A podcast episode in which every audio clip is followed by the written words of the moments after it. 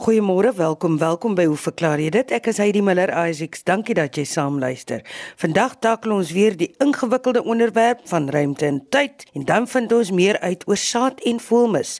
Vandag se kenners is die teoretiese fisikus professor Hendrik Geier, verbonde aan die Stellenbosch Instituut vir Gevorderde Navorsing, sowel as emeritus professor Lefras Meton, 'n dierkundige verbonde aan die departement plant en dierkunde aan die Universiteit van Stellenbosch as navorsingsvernoot. Hendrik van Pretoria se brief is gerig aan Hendrik Geier. Hy verwys na die program van 29 November oor die uiters moeilike onderwerp van ruimte en tyd. Sy brief is ongelukkig te lank om te lees. Hendrik Geier oor na jou. Goeiemôre luisteraars. Dag sê Heidi. Ek gee vandag aandag aan 'n e-pos wat ek van 'n naamgenoot van my uit Pretoria gekry het. Hy noem nie sy van in die e-pos nie. So Hendrik van Pretoria uh, reageer op 'n uh, onlangse program waarin ek 'n bietjie gepraat het oor ruimte en tyd. Uh, dit was na aanleiding van 'n vraag wat ons van Piet Klaasen ontvang het. En nou normaalweg sou hierdie stel vrae van Hendrik uh, maar agter in die tou moes inval, maar ek het gedog ek speel maar hierdie eyster terwyl hy nog warm is. Kom ons kyk waaroor Hendrik uh, geskryf het uh, aan die een kant uh, noem hy die kwessie van wat ek genoem het die verklitsing van ruimte en tyd en daaroor het hy 'n paar opmerkings waaroor ek gaan reageer. Ten tweede skryf hy oor inflasie. Dit is nou uh, die proses waar tydens die vroeë heelal, die baie vroeë heelal eksponensieel uitgebrei het, uitgesit het. Hy beskryf dit as wat vir hom lyk na 'n kunsmatige verduideliking om die onverklaarbare te hanteer en daarop sal ek ook reageer en dan laastens bevraagteken hy wat hy noem die aanname in kwantumwiskunde dat fundamentele deeltjies dieselfde eienskappe het in teenstelling met wat 'n mens weet uit dinge soos chaos of kompleksiteit. Uh die slotsom is dat soos hy sê die werklikheid meer kompleks is as wat aangeneem word en dan sê hy om dieselfde rede verval die argument dat 'n herhaling in 'n multivers of enige ander argument oor 'n herhaling weens oneindige getalle uh, nie geld nie. Ek's nie heeltemal seker wat om van hierdie laaste stelling te maak nie, Hendrik. Uh as ek my reg herinner het ek gesê dat uh ons nog nie genoeg inligting het om te kan onderskei tussen twee moontlikhede, naamlik dat die uh heelal eenmalig uit die oerknal ontstaan het en of ons te make het met 'n herhalende proses nie. Maar nietemin ek sal ten minste wou reageer op jou uh, stelling dat uh dit blote aanname is dat fundamentele deeltjies dieselfde eienskappe het. So kom ons vat hierdie drie goed uh een vir een. Hendrik se eerste opmerking uh handel oor my gebruik van die woord verklits wanneer ek oor ruimte en tyd gepraat het Ehm um, ek het dit gebruik en ek dink ek het dit in die program destyds ook so voorgehou dat dit die resultaat is van wat ons weet uit spesiale relativiteit. Ehm um, Hendrik sê vir my is ruimtelike dimensie en tyd verskillend. Ons kan byvoorbeeld in ruimte stil staan en slegs in een rigting beweeg sonder om die ander rigting uh, te affekteer. Nou vir alle praktiese doeleindes vir ons aardse bestaan is dit inderdaad so maar wat ons uit spesiale relativiteit weet is dat die meting van ruimte en tyd afhanklik is van die relatiewe beweging van die meter en dit wat gemeet word. Anders as met gewone afstandsmeting waarby 'n mens jou eie koördinaatstelsel kan kies maar wat ons weet is dat onafhanklik van watter koördinaatstelsel jy ook al kies die afstand tussen twee punte in konstante of 'n vaste uh waarde het 'n mens uh verwys dikwels ook hierna as dat die afstand in invariante is onafhanklik van jou keuse van koördinaatstelsels. Nou in spesiale relativiteit is dit nie die afstand so seer wat in invariante is nie, maar iets wat genoem word die interval en dit is 'n konstruksie wat beide elemente van van ruimte en tyd bevat. So dit is nie aan die een kant ruimte inligting alleen of tyd inligting alleen wat onafhanklik is van die meetproses nie, maar 'n spesifieke kombinasie, die sogenaamde interval. Nou die verskil vergeleke met ons normale ervaring van ruimte en tyd as onafhanklike entiteite wat uh, onafhanklik gemeet kan word, daardie verskil uh soos dit in spesiale relativiteit beskryf word, kom eintlik eers na vore wanneer 'n mens praat van uh snelhede wat met ligspoed uh, vergelykbaar is. So dis om daardie rede dat uh, ons normaalweg nie eintlik bewus word van die feit dat dit die interval is eerder as die afsonderlike ruimte afstand of die tydinterval wat invariant bly nie. Nou een van die mooiste voorbeelde waar dit geïllustreer word het te maak met uh die bestaan van 'n elementêre deeltjie wat genoem word die muon. Uh dit is 'n 'n subatomiese deeltjie wat deel is van die familie van sogenaamde mesone en van hulle word in die atmosfeer deur kosmiese strale vrygestel tipies op op 'n hoogte van omtrent 10 km in die atmosfeer. Nou muone is uh op aarde baie goed bestudeer uh en onder andere weet ons van hulle dat hulle in halfveertyd of 'n halfleeftyd het van 1,56 uh mikrosekondes. Nou as 'n mens hierdie inligting gebruik en gaan bereken uh wat die uh hoeveel van hierdie muone tipies uh op die aarde sou aankom wat die sogenaamde vloed van muone is, dan vind jy uit dat omtrent 0.3 uit elke miljoen sou die aardoppervlak bereik. Nou dit is in teenstelling met die gemeete uh, vloed van omtrent 49000 uit elke miljoen. So mens kan 'n meting op 10 km bo kan die aardoppervlak gaan doen, vasstel hoeveel muone word daar geproduseer en jy kan meet hoeveel van hulle kom op die aarde op en daar is 'n groot diskrepansie. Maar hierdie diskrepansie word uit die weg geruim as 'n mens onthou dat hierdie goed beweeg teen omtrent uh, 98% uh, van ligspoed. Nou as jy dit in berekening bring, dan is dit so dat uit die oogpunt van iemand wat die meting op aardoppervlak doen, uh die muon se oorlosie stadiger tik. Hy het met ander woorde 'n langer leeftyd of uit die oogpunt van die muon se eie verwysingsraamwerk, uh hoef hy 'n korter afstand af te lê as die 10 km uh my waarheid is omtrent slegs 2 km. So Hendrik op die ou einde is dit inderdaad so dat ruimte en tyd intiem verklits is soos spesiale relativiteit uh dit vir ons saamgevat het.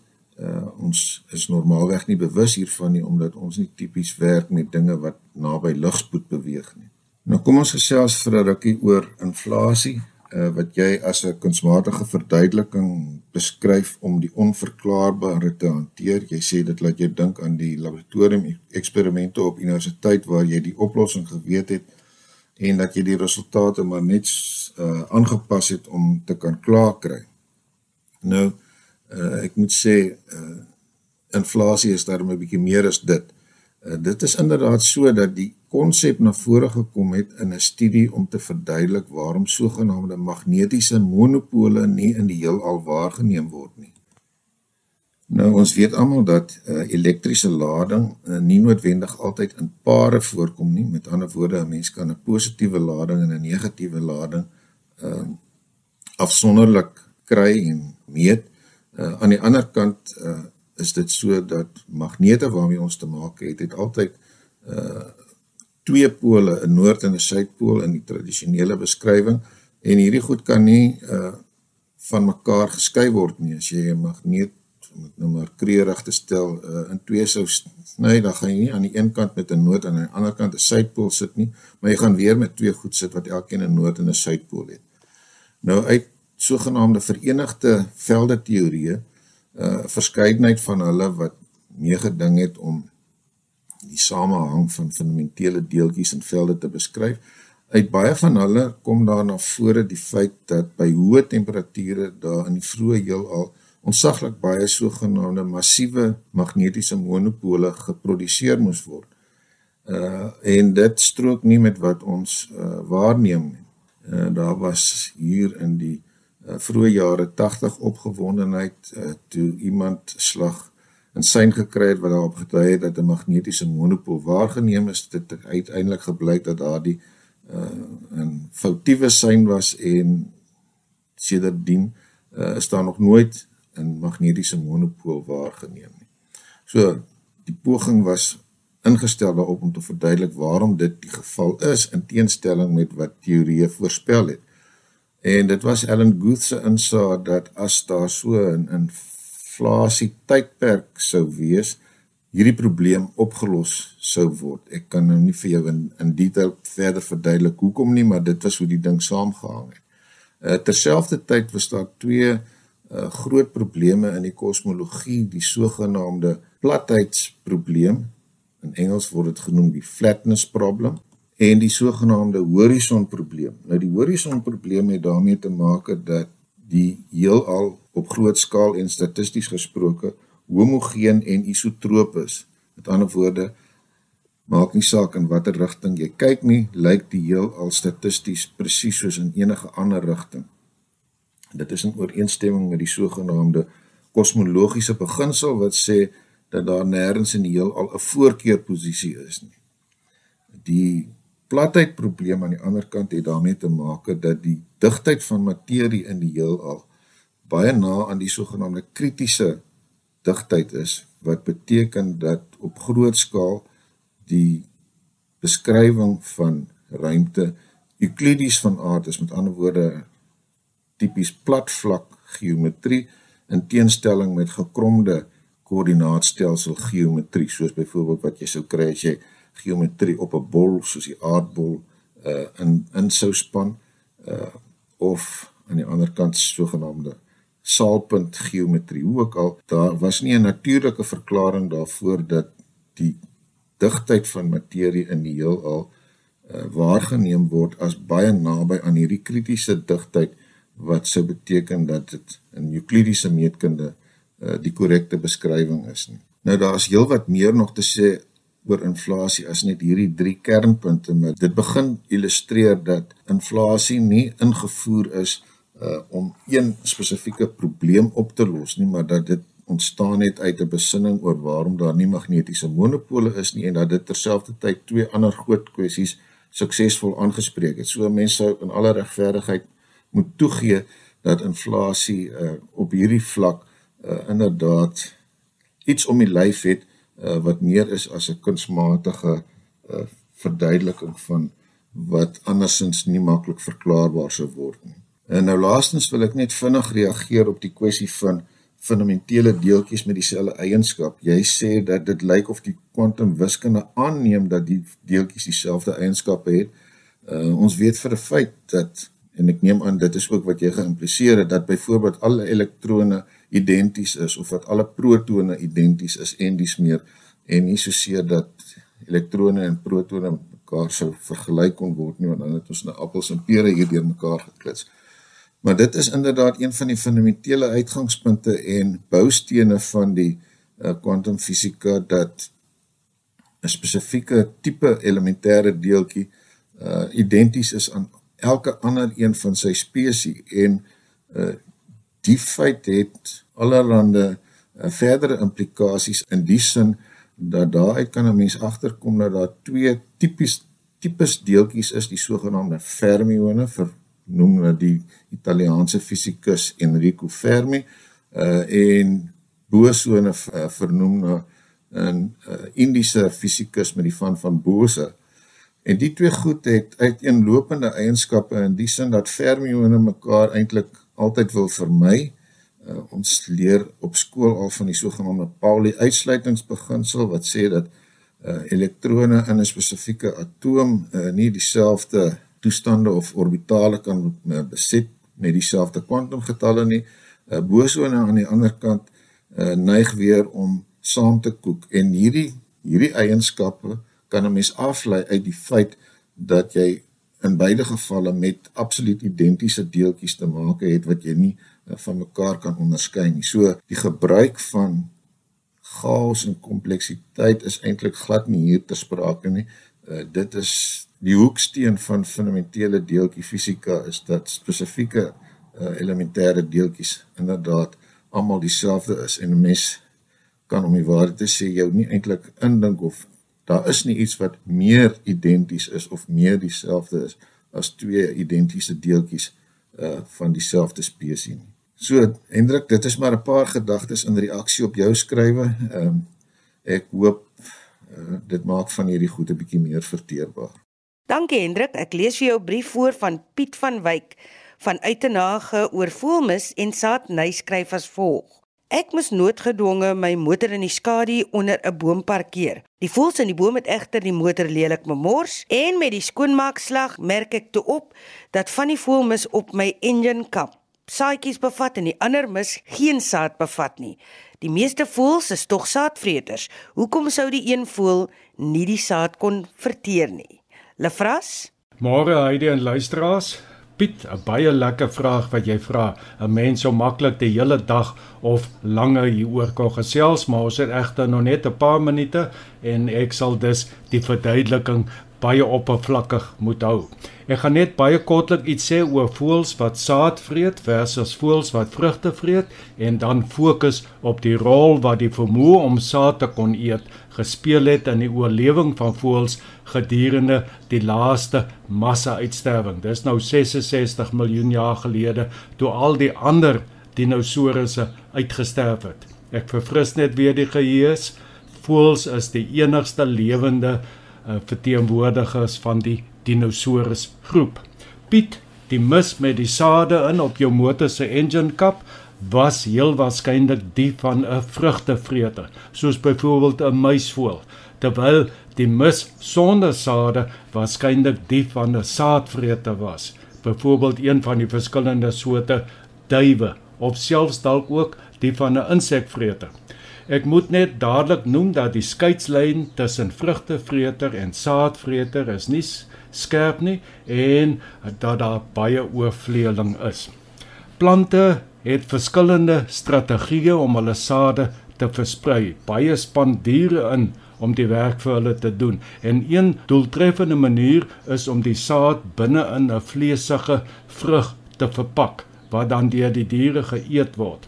Die sade het 'n beskermende omhulsel wat verhoed dat hulle saam met die vleis van die vrug verteer word en die saad word dan saam met die ontlasting uitgeskei. Gewoonlik ver weg van die punt waar die vrugte geëet is.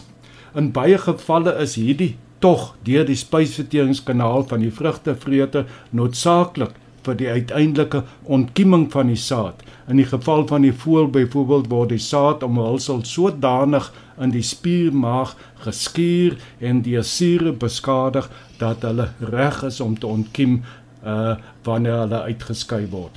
Vir die verwantskap tussen vrugteplant en vrugtevreter om te werk, is dit belangrik dat die dier die vrugte op die regte stadium van ontwikkeling eet.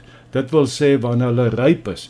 As hulle te vroeg geëet word, sal die sade in die vrug nog nie klaar ontwikkel het nie en sal die saad heel waarskynlik in die spysverteringskanaal van die dier vernietig word.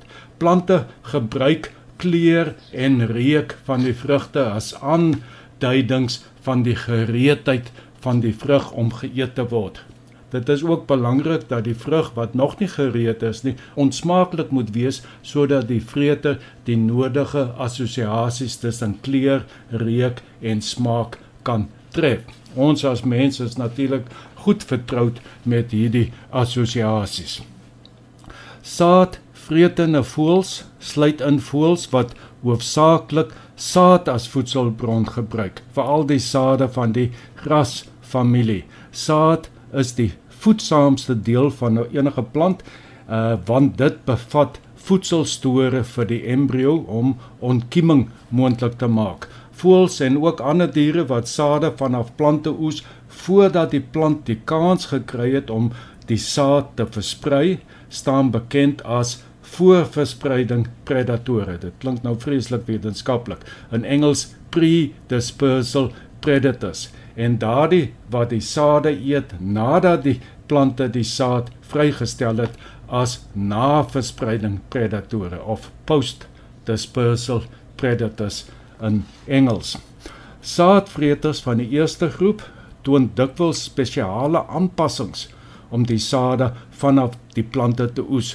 Papegaaie is 'n is 'n goeie voorbeeld van hierdie groep. Hulle het mos hierdie sterk snavels en hulle kan moeilike sade uithaal uit die saad omhulsels en hulle kan die sade oopmaak Uh hulle is baie behendig daarmee. Die mense wat uh, papegaaie aanhou, sal weet waarvan ek praat. Papegaaie eet dikwels ook vrugte om by die voedsame sade uit te kom en, en baie kere het hierdie uh putte van vrugte uh toksiese bestanddele in die buitenste omhulsel en die papegaaie kan dan baie versigtig daardie buitenste omhulsel van hierdie sade afhaal voordat hulle dit eet. Die meeste saadvretende voëls behoort egter tot die tweede groep wat sade vreet wat reeds deur die plante vrygestel is. Hierdie groep voëls sluit gewoonlik 'n rye reeks uh sade in hul dieet in en die sade kan of op die grondoppervlak lê of deel wees van die ondergrondse saadbank. Voëls is ideaal toegerus vir die eet van saad want hulle het hierdie fantastiese apparaat, hul snavels. Met behulp van hierdie snavels kan saad baie effektief van die grond af opgepik word en ook baie vinnig of dit kan direk van plante af geoes word met hierdie snavels. Die meeste saadvreters het ook 'n krop waar die saad dan tydelik gestoor kan word voordat dit geleidelik na die res van die spysverteringskanaal gestuur word. Die sterk spiermaag van voëls is in staat om die meeste sade fyn te maal en dit vergoed in 'n mate vir die gebrek aan tande. Uh die meeste voëls is baie mobiel en kan dus vinnig van een lokaliteit na 'n ander verskuif om optimale vreetplekke te vind. Wetenskaplikes is van mening dat dit juis hierdie vermoë was om saad effektief te kon benut wat voëls in staat gestel het om die laaste massa-uitsterwing 66 miljoen jaar gelede te kon oorleef.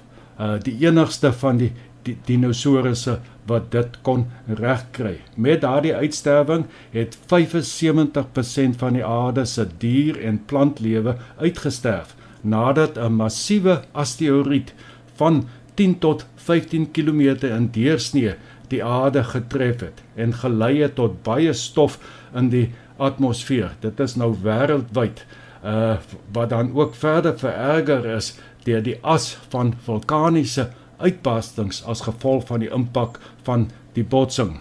Vir ten minste 'n jaar lank het minder as 50% van die uh sonskyn die aardoppervlak bereik. En dit is soos ek gesê het, dit is oor die hele wêreld. Uh en fotosintese deur plante is dan nou grootskaals uh, beïnvloed, soveel so dat die primêre plantproduksie nie genoeg was om groot herbivore soos die plantvretende dinosourusse te onhou nie. En hulle was die eerste om uit te sterf. Karnivoriese dinosourusse uh, kon langer oorleef deur op verswakte herbivore en hul karkasse te voed, maar uh, uiteindelik moes hulle ook maar die die aftog blaas. Alhoewel baie voëlsoorte ook uitgesterf het, word daar vermoed dat kleiner soorte voëls wat saad in hulle dieet kon insluit, sou kon oorleef deur saad in die grond saadbank te benut.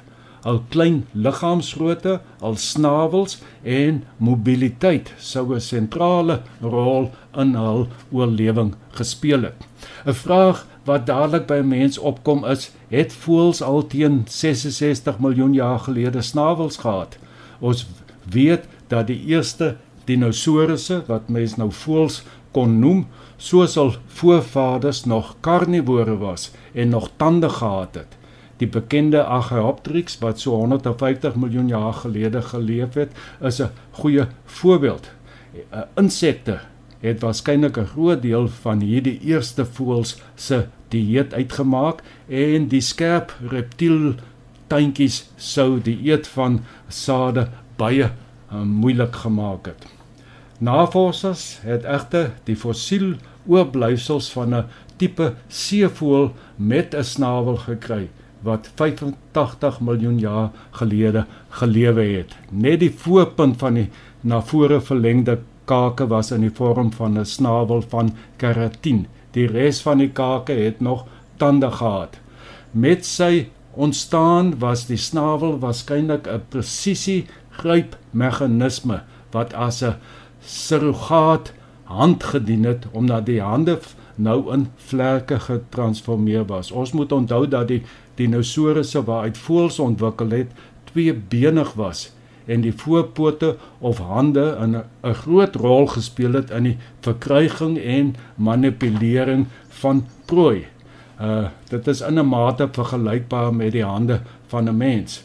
Met verloop van evolusionêre tyd het die voëls verder tande verloor soos die keratiensnavels verder na agter uitgebrei het. Uh met die massa-uitsterwing 66 miljoen jaar gelede sou voëls verseker al met snavels bewapen gewees het en hulle sou effektief sade kon geëet het en die uitsterwing oorleef het. Piet, die tyd laat nie toe om die baie interessante interaksie tussen plante en voëls enigsins aan te raak nie. Dit is deesdae 'n baie gewilde navorsingsrigting. Uh daar is mos maar die ewigdurende stryd tussen die twee groepe, die sogenaamde evolutionary arms race, evolusionêre bewapening stryd. Net om op te som, die teenwoordigheid van saad in die mis van die een voël uh wys dat die voël 'n vrugtevreter is en 'n rol speel in die verspreiding van die saad van die plant wie se vrug hy geëet het. Die saad binne die vleesige vrugte is vir baie voëls redelik onverteerbaar. Die ander vormes wat jy gesien het, was waarskynlik die van 'n saadvreter wat die saad van die grond af opgepik het. Die saad wat deur saadvreters benut word, is dan nou gewoonlik gereedelik vir hanteerbaar. Dankie aan Emeritus Professor Lefras Meton en Professor Hendrik Geier vir vandag se verklaringe. Onthou jou vrae is welkom. Stuur hulle na heidi@rsg.co.za of jy kan jou vrae met die posduif stuur na hoe verklaar jy dit posbus 2551 Kaapstad 8000. Elke program word ook op potgooi gelaai by ons webtuiste rsg.co.za. Ons gesels aanstaande week verder en dan vertel Yuri van en Juffer jou meer oor hier inkarnasie. Lekker Sondag vir jou.